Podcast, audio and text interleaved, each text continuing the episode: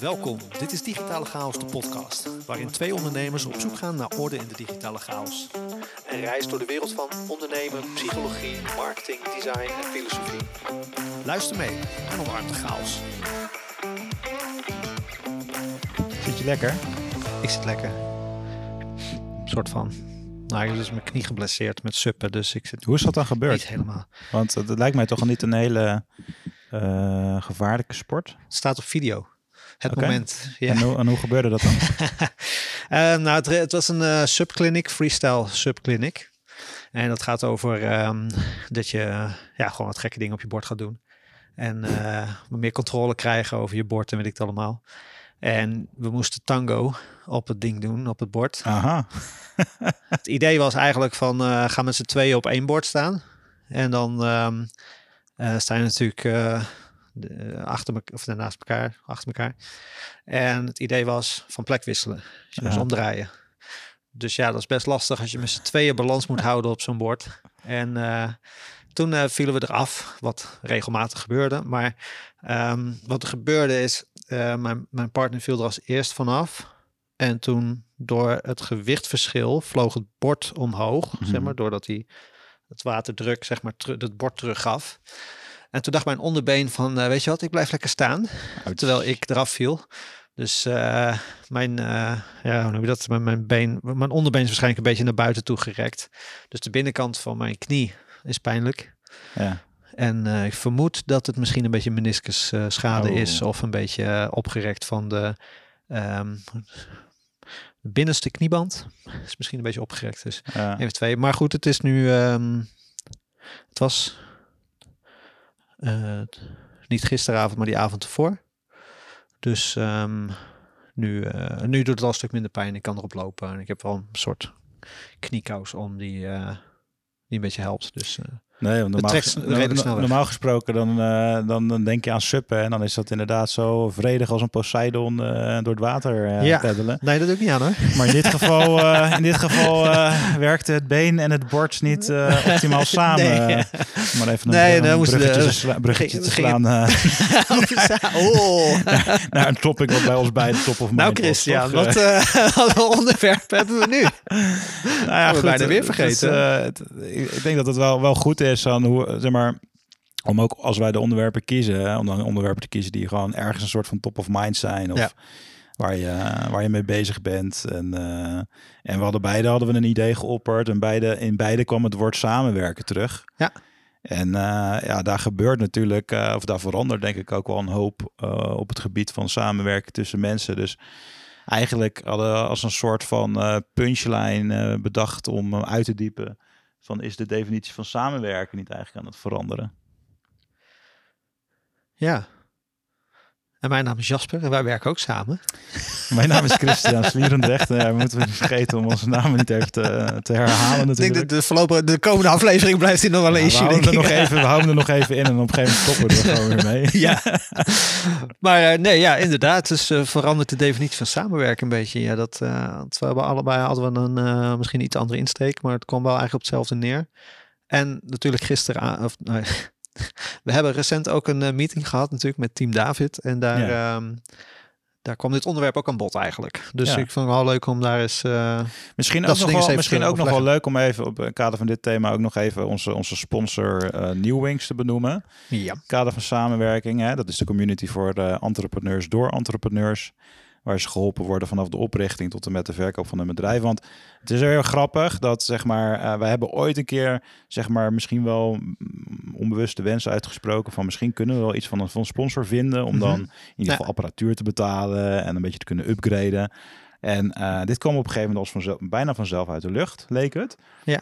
Eh, dat Roger van Nieuwings ook zei van... hey, ik zou het leuk vinden om jullie te sponsoren. Ik luister jullie, al jullie podcasts. Ik ben eigenlijk fan van jullie podcast. En ehm, eh, ik wil het ook op een manier doen dat ik gewoon... Ja, als jullie het leuk vinden, dat ik ook daarin mee kan denken... of vragen kan, kan opperen. Ehm, eh, dus dat vind ik ook weer een voorbeeld Mhm. van een samenwerking. Van, die is heel anders dan, zeg maar... Waarbij je vroeger eh, misschien alleen maar transactioneel nadacht. Van oké, je koopt advertentieruimte in. Of je, eh, eh, eh, je betaalt ergens voor. Dus Ja. ik zie, als je de term samenwerking is voor mij wel best wel aan het veranderen. In de zin van, eh, wat ik fijne samenwerkingen vind, dat is eigenlijk eh, co-creatie.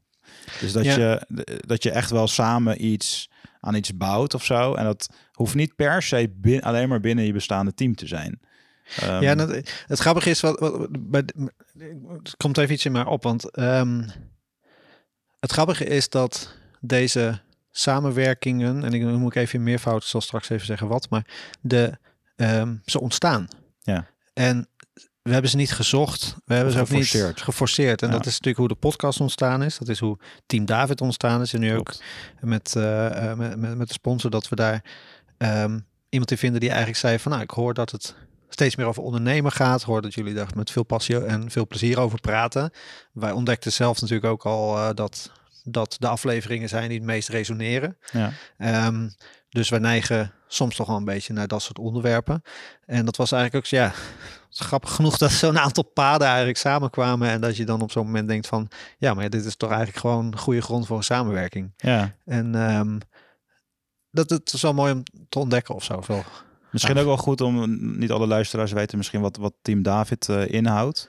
Ja. Maar dat is eigenlijk ook gewoon ontstaan uit, eh, nou ja, op LinkedIn eh, een bepaalde, gaan staan voor een bepaalde boodschap of bepaalde, laten we het kernwaardes noemen. Hè? Mhm. Zoals eh, m, eerlijke marketing, duurzame eh, samenwerkingen, ehm, eh, nog wat dingen. Dus als je meer info wil, ga dan naar teamdavid.nu. We hebben nu ook een website neergezet. Ja. Maar dat begon ook eigenlijk gewoon in de zin van, ja, weet je wel, mensen die, die connecten daarop, gaan daarover praten. We zijn een paar keer samen geweest Ja. live.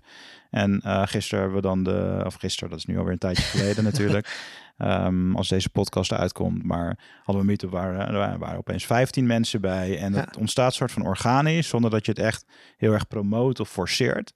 Mhm. Eh, en dat, dat vind ik dus een hele mooie gewaarwording. Van dingen Ja. kunnen dus ontstaan en groeien eh, heel erg vanuit een intrinsieke eh, drijfveer. Ehm, eh, en niet zozeer dat je het echt heel erg pusht. Als je het meer gaat pushen, kan je het groter maken. Eh, maar dan zul je er ook tegenaan lopen dat je misschien wel... ehm, ehm, eh, dat er bijvoorbeeld mensen op afkomen die minder goed resoneren bij waar het voor bedoeld is. Ja. Dus dat, eh, dat vind ik zelf wel een hele mooie ontdekking eigenlijk. Ehm, ook als je. Kijk, ik denk dat heel veel bedrijven ook wel geneigd zijn om het heel erg op zichzelf te houden. Dus ehm, eh, je werkt samen met je, met je collega's. Mhm. Je houdt de kennis heel erg binnenboord. Je deelt dat niet en je zet daar muren omheen. Ja. Want dat is, dat dat is een beetje de. Ik weet niet of het Porter was. Nou, een beetje de com- competitive advantage. Weet je wel, je, je concurrentievoordeel ja. eh, moet je gevangen houden tussen die vier muren. Ja. Een beetje ook, ook, ook de vergelijking tussen eh, ga je iets meer open source doen of meer ga je het afschermen met intellectueel eigendom. Ja. Ik ben heel erg gecharmeerd meer door open source, ehm, omdat ik geloof dat dat meer co-creatie en meer innovatie brengt dan wanneer je het alleen maar afschermt en alleen maar in dienst zet van één doel en dat is winstmaximalisatie. Ja. Dus dat, daar zie ik zeker wel, ehm, in ieder geval veel mensen die erop aangaan, Mhm. ehm, eh, op dat soort nieuwe manieren van samenwerken. Ja. Omdat het misschien ook wel meer de menselijke component terugbrengt. eh, waarbij we eerst heel erg keken naar organisaties als machines. Dat is een beetje de, de eh, nalatenschap uit het industriële tijdperk. Ja. Zie je nu toch wel steeds meer dat mensen aangaan op, ja weet je, we zijn geen human resources. Ja. Eh, de, de, de, de intensieve vee- menshouderij. We, we willen niet als vee gezien worden of als resource, maar we willen gewoon eh, samenwerken als mensen. Ja. Dus daar zit volgens mij ook wel een lading in die, ja, die, die steeds meer resoneert. Ja, je ziet dat in veel dingen terug. Hè. Dus de, de opkomst van, van, van meer skills ehm, gerelateerd ehm, ehm, functieprofielen samenstellen of meer sturen op skills in plaats van op inderdaad echt specifieke kennis of diploma's, bij wijze van spreken. Ja. Ik denk dat dat, eh, dus ik denk dat stukje menselijkheid is wel, denk ik wel een soort overkoepelende factor daarin. En ehm, ja, je ziet een aantal patronen gaande, denk ik. Ehm, ik denk dat hetgene waar, waar, waar bij mij het onderwerp een beetje aansloeg, was ook een beetje zo van je ziet eigenlijk al jaren best wel een harde groei van het aantal zelfstandigen in Nederland. En Ja. ehm, ehm, grappig genoeg wel op alle linies. Dus van, van, van eh, eenpitters tot, eh, tot, de, tot het MKB en de wat grotere bedrijven zit best wel ja, harde groei in, eh, in, in, in het aantal zelfstandigen of het aantal eh, ondernemingen. Zal daar, zal daar, ehm, zou daar een link in zitten? Ze hebben dat steeds meer mensen dus de keuze maken om eh, voor zichzelf te beginnen ten opzichte van in loondienst werken, zodat ze ja, meer onder eigen voorwaarden of meer onder menselijke voorwaarden kunnen werken. Ja, ik denk wel, bij, ik merk bij heel veel mensen dat, dat ehm, heel veel mensen die misschien ook niet zo gelukkig zijn in een baan, dat dat toch vaak ook wat te maken heeft met een stukje autonomie of een stukje Mhm. invulling van een dag of invulling van hun leven of invulling van het werk. Ehm, Autonomie, zingeving, Ja. voldoening. en dat ehm, organisaties daar wel mee struggelen. Vooral ook wel wat, wat, wat, ehm, wat, wat, wat oudere organisaties of wat, eh, ja, niet, niet in gemiddelde leeftijd van de mensen, maar meer gewoon in hoe lang ze bestaan, zeg maar. Hoe Ja. klassieker de organisatie is ingericht, hoe moeilijker mensen een plek vinden die meer zoeken naar zingeving of ja, hoe meer structuren of hoe meer processen er zijn, hoe eh, ingewikkelder het wordt. En ik denk dat je ook wel in samenwerking soms ziet dat mensen ruimte zoeken naar andere afdelingen of breder willen samenwerking binnen organisaties. Dus dat zie je denk ik wel terug. En ik denk dat daardoor ook wel ontstaat dat steeds meer mensen zoiets hebben van ja, ik wil het eigenlijk zelf kunnen indelen, zelf kunnen inrichten, zelf mijn tijd kunnen beheren en of de, de, de, de flexibiliteit gaan, gaan opzoeken. Waarom ga ik het niet gewoon voor mezelf opstarten? Of- Maar dat is wel een, ook wel een interessante discussie die gaande is bij veel bedrijven. Want eh, veel mensen geven aan dat ze willen. Hè? Dus Mhm. eh, zeker post-corona, op het moment dat je nu niet de vrijheid krijgt om bijvoorbeeld wat meer thuis te werken, dan kan Ja. het echt een, een struikelblok zijn voor veel mensen. Eh, maar de vraag is wel, is dat dan de oplossing voor bijvoorbeeld het stukje eh, autonomiteit en voldoening? Vind ik Mhm. wel een legitieme vraag. Want wat je dan ook vaak ziet, is dat me- bijvoorbeeld mensen ontslag nemen, voor zichzelf beginnen, zelfstandig worden, dan thuis op de zolderkamer zitten en dan eenzaam worden.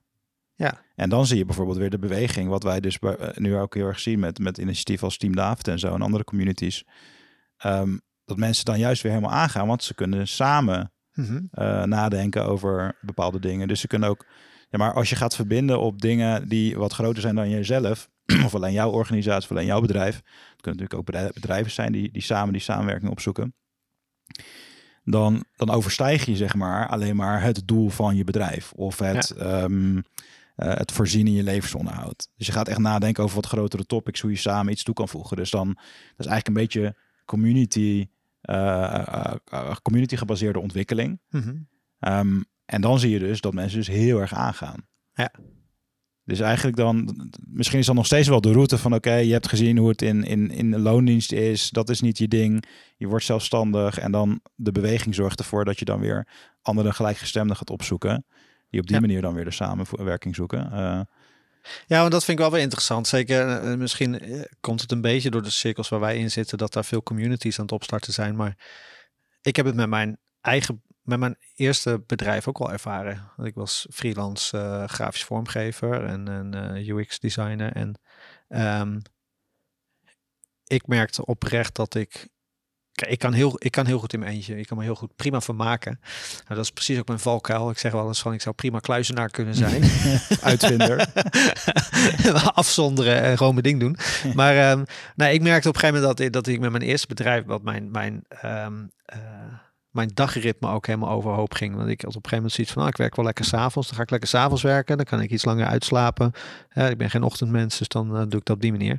Maar mijn dag ging op een gegeven moment helemaal verschuiven. Dat ik op een gegeven moment, ja, dan ging je nog wat langer doorwerken. En dan ging je op een gegeven moment om drie, vier uur pas slapen. En werd je om twaalf uur pas wakker. Ja. Ja, dan is je dag ook helemaal gebroken en eh, dat, het wordt een beetje vervelend. En ehm, ik merkte toen oprecht ook wel dat ik zoiets had van ja, af en toe weer ook gewoon eens babbelen met mensen en gewoon eens ehm, eh, ehm, een beetje kunnen sparren. Dus ik ben Toen had toen, je nog geen podcast. toen had ik nog geen podcast. Toen, was, toen bestond de podcast nog niet, vroeger. ik weet eigenlijk niet hoe lang. Nou, dat kan ik je uitzoeken. Maar ehm, eh, ik ben toen bij eh, Seeds to Meet was toen helemaal Oh ja. eh, een ding. Daar Dat ben ik, helemaal hot. ja, daar ben ik toen Dat gaan is niet meer zo hot, toch? Ik, weet, ik durf oprecht niet te zeggen of het nog bestaat. ik weet niet of de locatie waar ik altijd ging zitten, die is er niet meer. Maar ehm, nee, ik ben natuurlijk gewoon eens ja, daar gaan zitten. En eh, op een gegeven moment, toen ben ik eh, een netwerkevenement begonnen. Dus open koffie eh, was toen ook helemaal een ding. Ja. En ehm, toen gewoon een netwerkevenement begonnen met andere ondernemers gaan praten. Er kwam ook wel weer business uit. Dat was natuurlijk ook wel een bijkomend voordeel. Maar toen ben ik ook netwerken pas leuk gaan vinden. Want ik vond het eigenlijk helemaal, ik vond het best wel spannend om, eh, eh, om naar een evenement te gaan en daar je hand uit te steken en te zeggen van, oh, ik, eh, ik doe dit, ik ben dat en een soort voor jezelf te pitchen. Maar ehm, ergens miste ik dat, op dat moment ook wel een beetje de samenwerking inderdaad. En toen uiteindelijk dan met een kompion een, een begonnen met Joey. En dat had wel een soort van luxe, dat je altijd een soort sparringspartner in de buurt hebt. En ik vond dat ook wel heel erg fijn inderdaad. Dus ik, ik vond wel vind het wel interessant dat je zegt van als je steeds meer zelfstandigen krijgt, gaan die dan elkaar ook steeds meer opzoeken in andere vormen. Dus in de vorm van communities en, en dat soort uh, andere structuren, zeg maar. Ja, het is natuurlijk ook een, stuk makkelijker gemaakt door, door het internet. Hè? Weet ja. je wel, iedereen die kan in principe met een laptop en een internetverbinding.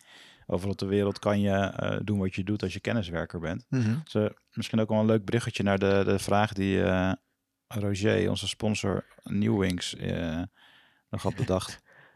um, En die, die had de vraag: het internet heeft interna internationale samenwerking vereenvoudigd. Toch brengt dit veel verschillende ervaringen met zich mee. Hoe kijken jullie er tegenaan? Dus je kan feitelijk, je kan feitelijk als uh, uh, bijvoorbeeld als Digital mm -hmm. Nomad gaan rondreizen. Of je kan uh, als bedrijf kan je ook internationaal ja. um, gaan en ga je mensen over de hele wereld hebben. Hè? Ik, mm -hmm. ken, ik ken een aantal voorbeelden. Uh, heeft ze voor- en zijn nadelen. Absoluut. Nou ja, dat is wel een interessante. Kijk, um, uh, ik denk ook zeker door corona um, uh, is natuurlijk het, um, het locatie waar je werkt wat minder relevant geworden. Want we hebben allemaal ontdekt van ja, een groot deel van de mensen kunnen prima thuiswerken of kunnen prima op een andere locatie werken. En de digitale tools die beschikbaar zijn om dat te regelen, die werken inmiddels prima. Ja. En um, het grappige is dat je dus inderdaad ook de laatste jaren steeds meer, um, zeker nu met tekorten van personeel natuurlijk uh, wereldwijd, dat je vacatures ziet waarbij gewoon staat van ja, het maakt ons niet uit waar je werkt, zolang er maar twee uur overlap is in tijdzone. Dat zie je ja, nog wel eens. Voor meetings en dat soort dingen.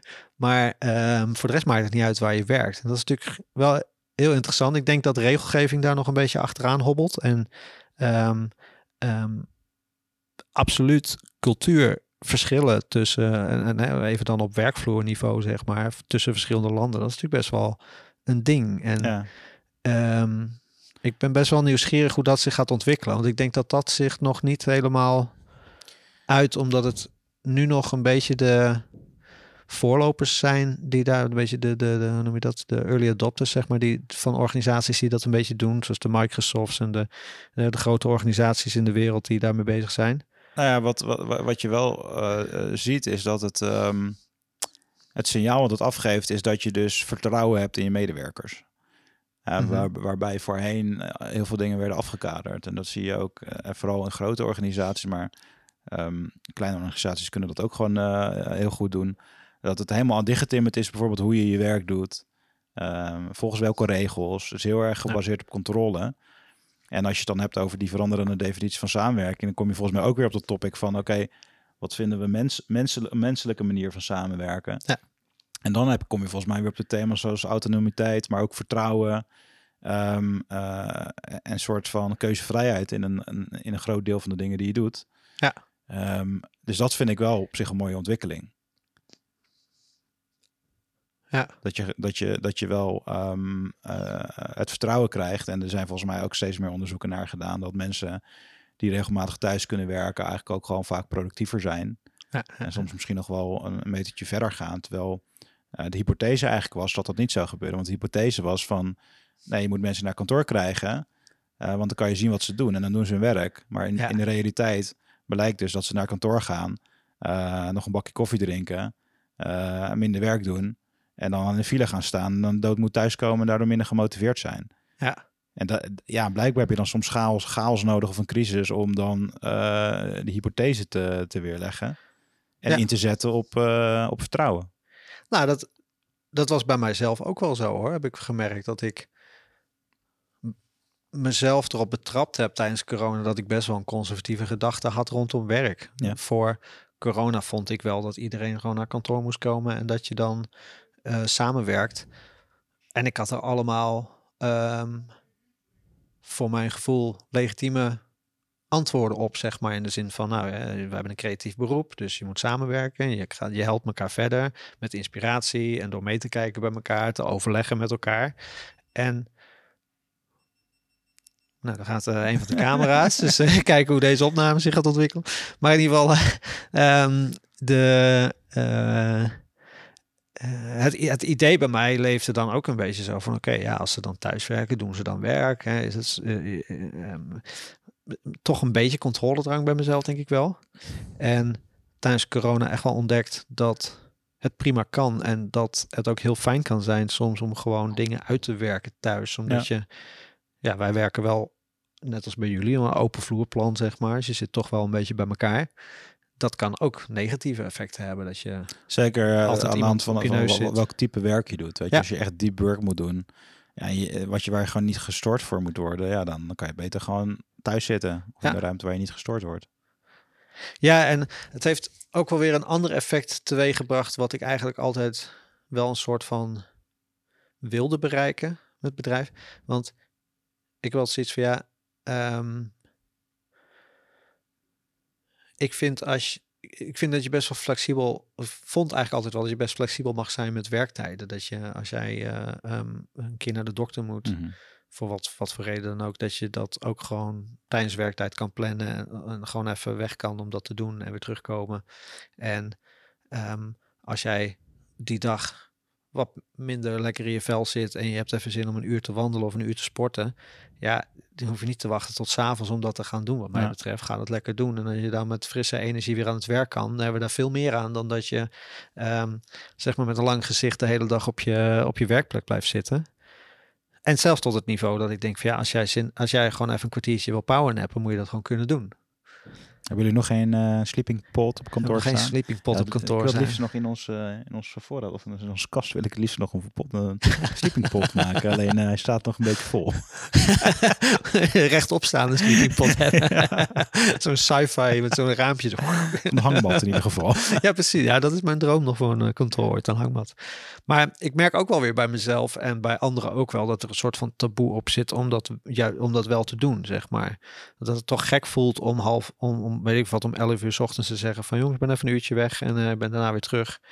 Um, het voelt toch raar om te doen of zo. En ja, ik vind dat wel interessant. En denk ook wel als je het hebt over de, de, de, de, de veranderende samenwerking, denk ook wel dat we iets flexibeler mogen zijn op dat soort vlakken, denk ik. Ja, het is ook wel, als je hem, als je hem dan uh, even high level trekt, van de overheid wil eigenlijk meer vaste banen creëren. Mm -hmm. Um, te, tegelijkertijd zie je dus de, de, de, de soort van organische beweging dat veel mensen voor zichzelf beginnen. Ja. De, de, de, groei in het aantal zelfstandigen is wel aan het afvlakken, maar dat heeft er waarschijnlijk mee te maken dat er een soort van recessieachtige scenario boven onze hoofden hangt. Of dat ja, ik weet niet. Het worden, sommige mensen worden misschien geremd in het maken van een keuze. Ja. Dus het is eigenlijk heel erg tegen natuurlijk dat je uh, de, de, de, de, de natuurlijke beweging die inzet. Hè, mensen die willen voor mhm. zichzelf beginnen, willen onder eigen voorwaarden samenwerken. Dat je dat probeert te smoren met beleid uh, door meer vaste banen proberen te creëren. Ja. Um, misschien is de natuurlijke beweging wel dat we over twintig jaar, uh, bij wijze van spreken, allemaal zelfstandig zijn. Omdat ja. wij gewoon kunnen bepalen wat wij graag willen doen. En misschien dat AI daar ook een hulp, hulp bij kan zijn. Dat dus het repeterende werk meer uit handen wordt genomen. En dat je dus meer kan gaan doen waar je echt voor gemaakt bent, bij wijze van. Ja. Um, uh, maar ja, dat betekent ook dat misschien die samenwerkingsverbanden gewoon heel anders zullen zijn. Dat, het, dat misschien het traditionele loningsconstructie, uh, uh, dat, die, dat, die, dat die wel veel kleiner wordt, het aandeel daarin. Ja, en ik denk ook dat dat een beetje samengaat met de verandering van het werk aan zich natuurlijk. Ik heb ook al eens recent een onderzoek gelezen dat we um, eigenlijk ook helemaal niet acht uur per dag productief kunnen werken. En dat dat eerder naar vier uur neigt, of misschien zelfs naar, ja, naar twee uur. Zes uur uh, per dag is eigenlijk. Uh, ja, maar dat eigenlijk onze werkdagen uh, te lang zijn voor hoe de inhoud van het werk tegenwoordig is. Want zijn allemaal kenniswerkers, zijn ja. allemaal best wel. De wereld is best wel complexer geworden. Dingen zijn best wel um, anders geworden. En dat we eigenlijk naar kortere werkdagen zouden moeten. En misschien zelfs naar een vierdaagse werkweek. Ja. Dat zijn natuurlijk lastige transities om in te zetten. Want ja, er is zoveel. Ja, maar er, er, is, er is zoveel, zeg maar. Als je erover na gaat denken, er is zoveel systemen die hangen aan ja.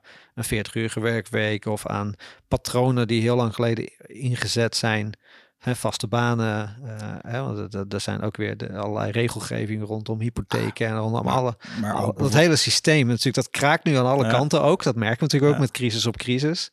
En ehm, ja, hoe, hoe, ja, hoe, hoe, gaan we, hoe gaan we daarmee om in de toekomst? Dat vind Nou, ik wel, het het is- is, echt een, eh, een, een lastige... Het is gra- grappig wat je zegt over die patronen. Want eh, ik merk het zelf hè, met, met, met kinderen. Eentje die nu naar school gaat.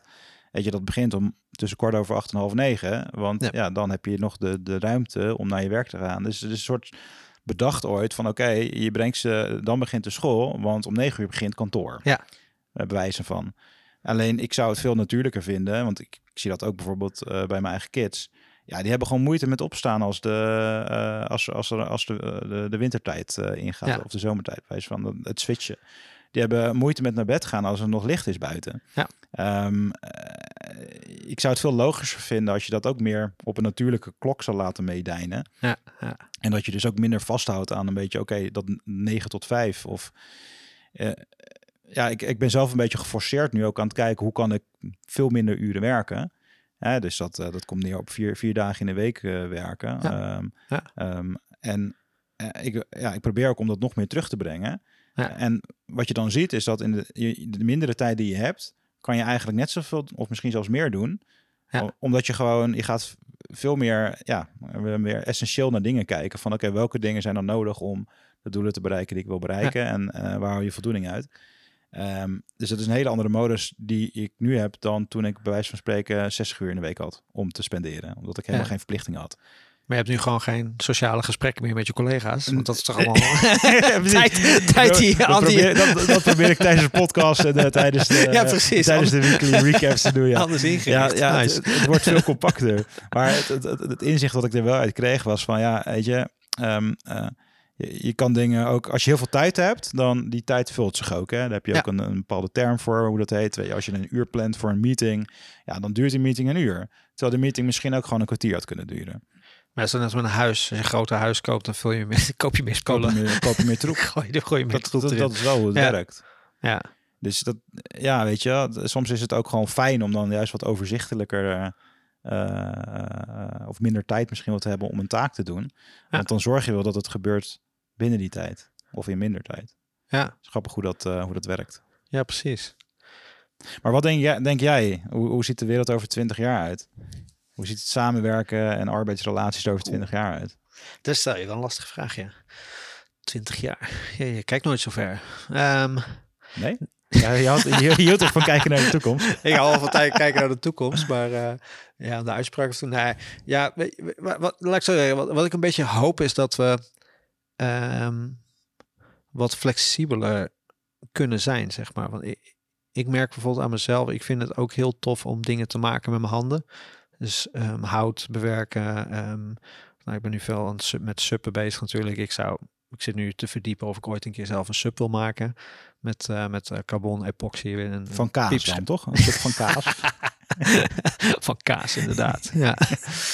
Nee, maar ik, ik ehm, denk wel dat er een soort. op een gegeven moment wel een soort kantelpunt gaat komen waarop we misschien minder werkuren nodig hebben om de wereld draaiende te houden. En dat kan door middel zijn van AI of doordat we dingen anders inrichten. eh, doordat we misschien ook gewoon Dachten we Een groot deel van de- industriële revolutie ook. ja, maar eh, weet je, ik, ik, ik kan mij oprecht heel erg verbazen over gewoon hoeveel troep er te koop is. Gewoon plastic prolaria en ehm, spullen die, die je neerzet om iets mooier te maken. Dingen mooier te maken, terwijl dat helemaal niks toevoegt. Ja. Ik denk op een gegeven moment dat we misschien wel er naartoe gaan. Dat, nou, laat ik zeggen, ik zie het nu al een beetje gebeuren dat mensen veel meer drang krijgen richting de natuur. Ja. Dus ze zoeken de natuur meer op. ehm, ze zoeken meer eh, connectie met de natuur eh, door middel van voeding bijvoorbeeld, of door middel van het hebben van een moestuin, of het hebben van een tuin waar je zelf dingen in verbouwt. Ehm, ik, nou, eh, suppen bijvoorbeeld ook iets gewoon de natuur ingaan met eh, ehm, en, en, en, en dat opzoeken. Dus ik denk dat er op een gegeven moment wel een soort omschakel gaat komen waarop we denk ik wel op een gegeven moment gaan zeggen van oké, die 40 uurige werkweek, laten we daar gewoon eens mee stoppen. En dat terugbrengen naar misschien Hè, inderdaad, uh, misschien uh, 32 uur wordt fulltime. En de meeste mensen werken 24 uur bij wijze van spreken. En daarmee is houden in Scandinavisch Zweden of zo, of in een Scandinavisch land hebben ze volgens mij ook al een, uh, ah, ja. dat al ingevoerd. Of 32 uur Ja. of minder in ieder geval. Ik heb zelfs ooit een keer gehoord, ik, ik, ik weet niet of die bron klopt hoor, maar dat de, de vijfdaagse werkweek ook pas sinds de jaren zeventig geïntroduceerd is. Ja, het was, Dat was het vrijdag was ook een vrije dag was. Eh, ja, of was het daarvoor niet een zesdaagse werkweek? Eh, vrijdag is ooit een vrije dag geweest, ja. Ja.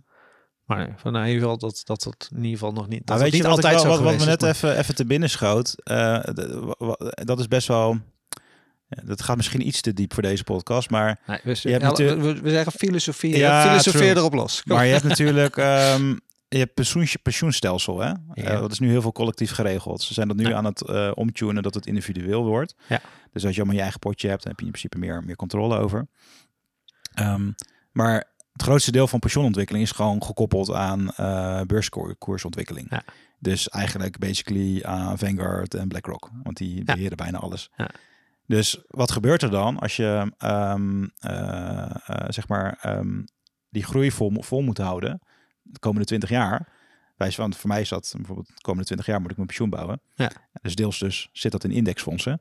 Ja. En, en stel je voor dat je dus de producti- productiviteitswinst, hè, want dat is, dat is eigenlijk de afgelopen eh, decennia ook gaande, dat zeg maar de, de, de productiviteitswinst per werknemer is niet doorvertaald in de verloning Ja. naar werknemers. Dus er is steeds meer winst afge, afgeroomd naar de aandeelhouders.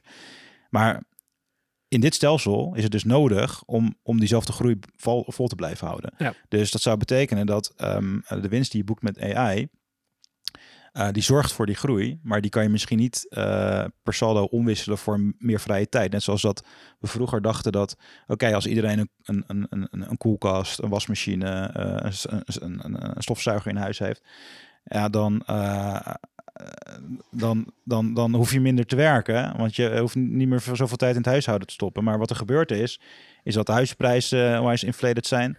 En Ja. dat dus eh, eh, elk gezin bijna twee verdieners nodig heeft om, om, om eh, de vaste lasten te kunnen betalen. Ja. Dus ergens zou je dan, je zou dus een, een soort van alternatief moeten kunnen geven voor investeren in, in de traditionele pensioenfondsen. En misschien wel investeren in lokale ondernemingen bijvoorbeeld. Weet je wel? Die binding hebben. Dat, dat zou een alternatieve route kunnen zijn. Maar die route is nu nog niet geplaveid. Ja, maar dat Dus is nog wel op een, kanten uit. Dat is ook nog wel, als dan helemaal filosofisch gaan, dat is ook nog wel gestoeld op een monetair systeem, zeg maar. Maar als je kan zeggen van, nou, wat, wat zou daar, als je het over twintig jaar hebt, nou, is misschien wat snel, maar ehm, ik moet, ik moet, dan, ik moet vaak wel een beetje denken aan, aan dan de, de oude Grieken, waarin, eh, zeg maar, ook de, de, volgens mij wel eens ergens eh, gehoord op een gegeven moment dat de maatschappij zo goed geregeld was dat er ruimte was voor, men, voor filosofen en voor allemaal mensen die een beetje konden, konden, eh, konden gaan staan babbelen op een plein. En eh, zeg maar dat er ruimte was voor dat soort dingen en voor kunst en voor, voor cultuur en dat soort zaken. Ja. En ik denk, mijn utopische beeld op een gegeven moment in de toekomst is wel dat je zeg maar de wereld kan runnen met misschien minder effort. Dat iedereen misschien een stukje zelfvoorzienender is. Dat een hoop dingen gewoon geregeld zijn. Dus gewoon voeding is er voor iedereen, eh, drinken, eh, eh, veiligheid, dat soort zaken. En ehm, dat er ook gewoon ruimte is om gewoon meer ehm, te kunnen leven naast je werk, zeg maar. In plaats van dat je werkt om te leven. Ja. En dat zou, ja. Het hangt volgens mij ook wel samen met een stukje eigenaarschap en dus ook echt ehm, eh, dat mensen lokaal samenwerken. En wij we hebben binnenkort een eh, opname gepland op eh, Oosterwolde, als ik het goed zeg. Mhm. met, eh, ehm, eh, met Erik Kooijman. En, en dat is een voorbeeld van zo'n plek, waarbij eigenlijk mensen een soort van eigen gemeenschap hebben gebouwd. Met, er waren gewoon kavels, kon je je eigen huis neerzetten. Gaaf. die gewoon hun eigen scholen opgestart zijn. Eh, dus veel, veel ruimte. Ook veel ruimte om eh zo voorzienend te zijn. En eh, bijvoorbeeld je eigen groenten te verbouwen en zo. Ja. Dus ik ben wel heel benieuwd. Dat is ook wel een initiatief, weet je wel. Wat laat zien dat het ook anders kan. Ja. Ehm, dus ik geloof er ook wel in dat de komende twintig jaar dat soort samenwerkingsverbanden ook meer aandacht gaan krijgen. Of burgerinitiatieven. Of in ieder geval van onderop. Dat je niet alles van bovenop, zeg maar, een soort van ehm, als architect helemaal uitstippelt. Maar dat je dus ook, ook meer organisch laat ontstaan waar behoefte aan is. En dat haakt ook weer in op die beweging van ja, meer ondernemerschap, meer zelfstandigheid. Er is gewoon, er is gewoon, dat is een signaal dat mensen daar meer behoefte aan hebben, volgens mij. Dus dan kan je dat volgens mij ook vanuit de overheid beter faciliteren dan proberen ja, dus de kop in te drukken. Dat misschien ook wel een beetje de, het patroon wat, wat, wat, wat misschien daaronder ligt, is dat is de wereld misschien ook niet een beetje te complex geworden en krijgen we nu juist weer die beweging naar een beetje back to basics of een beetje back to de de, de menselijke waarde, de menselijke kern, de, de, gewoon weer even het besef terug van, ja, we zijn het wel heel complex aan het maken voor onszelf, maar volgens mij gaat het ook weer gewoon om een aantal basisdingen van uh, gewoon goed eten hebben, gezond zijn, ja. Um, je, je veilig voelen en op dat vlak zijn we natuurlijk in Nederland best wel verwend. Um, je ja, ook alweer gewoon een, een stapje terugnemen. Even die complexiteit een beetje gaan loslaten met z'n allen. Dat doet me denken aan de uitspraak: een, eh, een complexe oplossing is geen goed idee. Ja. Dus als je een complex idee hebt, dan is dat gewoon geen goed idee. Ja. In de kern. Ja. ja, dat denk ik ook wel, ja. En dat is ook bijvoorbeeld als je het hebt over uh, samenwerking. Uh, uh, we hadden eerst het voorbeeld van: oké, je probeert alles tussen die vier muren te, te houden en je mhm. kennis. ja binnen die vier muren van je bedrijf te houden. Ehm, maar wat is, er op wat is er op tegen om bijvoorbeeld ook samen te werken met wat je ziet als concurrenten, weet je wel, tussen mhm. haakjes. Ja. Er zijn heel veel um, bedrijven of ondernemers die zien elkaar als concurrent, zitten in dezelfde branche bijvoorbeeld. Terwijl in de kern ze helemaal geen concurrent hoeven zijn. Ja. Omdat ze bijvoorbeeld uh, uh, misschien wel eenzelfde segment klanten bedienen, maar um, misschien bedien jij wel een klantsegment binnen dat segment die in mhm. een andere fase zitten met een bedrijf.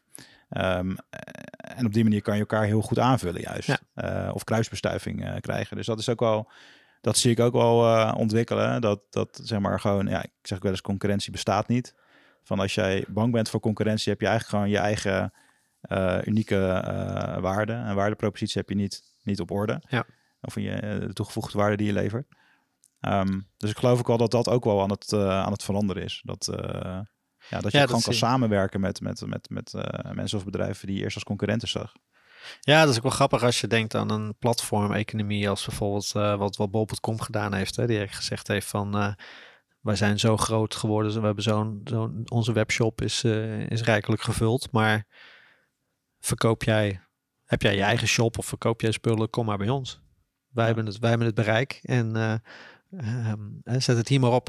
En Amazon is natuurlijk ook zo'n voorbeeld van zo'n soort platform. Zoal interessant. Uh, die eigenlijk gewoon in, in zekere zin gezegd hebben van... Uh, nou concurrenten, kom maar hier en uh, ja, maar, voor ons. Maar zou je dat, zou je dat bestempelen onder de noemer samenwerken? Want nou, dat, ja, daar zit wel weer echt een businessmodel achter. En een, dat is eigenlijk gewoon, oké, wij, wij, wij, wij kopen de hele markt op. En ja. we zorgen dat we de markt domineren. En je moet hier verkopen, anders dan raak je je spullen niet kwijt. Ja. En je marges moeten heel dun zijn. Ja, ze zijn eigenlijk weer een beetje sneaky players en dan zo. dat is een beetje, een beetje het voorbeeld van uh, wat ze in fantoomgroei in dat boek uh, aandragen. Van mhm. oké, de, de, de grote multinationals, dat zijn de sterren. En daar cirkelen allemaal kleine planeetjes omheen en die moeten allemaal concurreren op prijs. Ja. Ja, het is natuurlijk platformeconomie, is een tijd lang ook heel erg hip geweest. Maar ja, het centraliseert nu allemaal. En de vraag is of dat dan uh, ook de way to go is. Of misschien is het ook weer een golf, zeg maar. Centraliseert gaat straks decentraliseren. En uh, dat kunnen ook een soort waves blijven natuurlijk. Ja. Ja. Maar ja, sa samenwerking tussen concurrentie, ja, ik vind dat lastig. Kijk, als ik zelf kijk naar mijn markt, dan heb je best wel. Uiteindelijk verkoop je best wel dezelfde dienstverlening. Je kan wel je, niche, je niches hebben natuurlijk. Um, ik denk dat wij wel, wij werken wel veel samen met aanvullend dienstverleners, maar echt conculega's. Ja, hebben wel eens ja, misschien op het gebied van capaciteit soms een beetje kunnen op, mhm. up en down scalen met elkaar, zeg maar. Dat, dat soort dingen wel, wel gedaan. Dat past ook wel in, zeg maar, in de zin van, hey, uh, als je ergens over capaciteit zit of onder capaciteit, ja. uh, carswap of auto's uitwisselen of eh, tot aan eh, bureaus in je, in je kantoor Ja, of gewoon ja. letterlijk capaciteit eh, van, van, van medewerkers. Dat, dat past wel in deze tijd, vind ik. Maar ik merk wel, ik denk dat er in Nederland nog een beetje taboe zit op dat soort dingen. Echt. Ja, het- ik vind- ja. Ik vind dat wel altijd fascinerend hoor, dat, dat, dat het woord concurrent hier in Nederland zeker nog eens een beetje, of, ja, veel, veel context, een beetje negatieve lading heeft of zo. Want het is Mhm. een beetje zo van de vijand en de... laat je de- niet in je eigen keuken kijken. Ja, die laat je niet Ja. meekijken. Daar bescherm je dingen tegen. Daar wil je niet dat je personeel naartoe gaat. En je wil ze daar wel vandaan hebben, maar je wil niet dat jouw personeel daarheen gaat. En- Ja, en, te- en- en tegelijkertijd, kijk, Ja. je kan, eh, je kan een, eh, jij kan, wij kunnen hetzelfde kookboek kopen met dezelfde recepten. Ja. Maar ja, eh, we maken erbij, we bakken beide hetzelfde recept en die maaltijd zal anders smaken. Ja. Eh, en daar zit volgens mij je onderscheidende waarde in. En dat, dat past dus beter bij één doelgroep dan de andere doelgroep. Binnen dezelfde, dezelfde segment misschien wel. Ja. Dus ehm, Nou ja, we hebben het wel in dat opzicht. Oké, we hebben bijvoorbeeld wel wat kennis. ik ehm, de eerste podcast die ik maakte was ook een podcast in samenwerking met eigenlijk UX designers, UX bureaus in Utrecht. En die, ehm, dat was juist heel erg gaaf om te zien dat je ook op dat moment weer even een sparringspartner hebt die in hetzelfde vakgebied zit, waar je even mee kan zetten van, oh ja, hoe gaat het? En eh, oh ja, even lastige tijd, hè? Ja, lastige tijd. Nou ja, prima. Weet je wel. Dan hebben we ook wel een soort van, en dan staat wat grotere tussen, wat kleinere tussen. En dan heb je toch altijd wel even zo'n spiegel, zo van, ah, ik kan wel even zien hoe het in de markt gaat en of het goed gaat. En ook zijn ook alweer leuke samenwerkingen uitgekomen. Dus ja, Ja. dat zijn wel, wel weer interessant. eh, Maar als, dan, als we dan kijken naar de, ehm, de vraag, verandert de definitie van samenwerken? Dan zit die volgens mij, de verandering zit volgens mij niet in het woordje samen, maar wel in het woordje werken. mhm. Ik, eh, eh, tenminste, eh, ja, volgens mij, het, het, het woord werk, die, die, die lading is volgens mij aan het veranderen. Als je zeg maar, laten we even naar de utopie kijken van plus 20 jaar. Mhm. Iedereen eh, is nog 24 uur bezig met iets Mhm. dan noem je het misschien geen werk meer. Dan noem je het wel misschien creëren of, ehm eh, of geeft een andere lading in ieder geval. Ja. We gaan in een van de volgende podcasts ook nog een keertje dieper in op de alchemie van woorden. Maar ik denk Ja, wel dat dit heel erg, Ja, dat nee, dit wel een, eh, een, een, een- dat zou een shift kunnen zijn in, oké, als we anders gaan kijken naar werk. Ehm, eh, als je iets doet waar je dus voldoening uit haalt, energie uit haalt, dan noem je het misschien geen werk meer. Ja. Ja, ik denk dat dat wel een beetje de... Wat zou een mooie richting zijn. Ik denk dat we daar met, eh met Cheert eens over moeten gaan brainwaven. Ja, ja, ja, ja. Lijkt me een goeie. nou, dan houden we die nog even open. Maar dan, eh, ik denk dat dat een mooie afronder is. Ja, dat denk ik ook. Ehm, en dan hebben we Ik merk mooie... dat ik nog wel even ga malen over dit Ja, onderwerp. hebben we, echt hebben een mooi, we hebben een mooi bruggetje. mooi alle moeten, we kanten moeten we zorgen dat we Ja. deze even in de planning, planning zetten... voordat we die, die aflevering met Cheert eh, publiceren. Ja. Ehm, want dat is ook echt een woordkunstenaar. Ja, gaaf. Dus dan, eh, Kijk naar uit. dan hebben we een mooie connectie tussen de afleveringen. Cool. Alright, Dankjewel weer. thanks voor deze. Luisteraars, eh, bedankt voor het luisteren. Tot de Tot de volgende. volgende keer.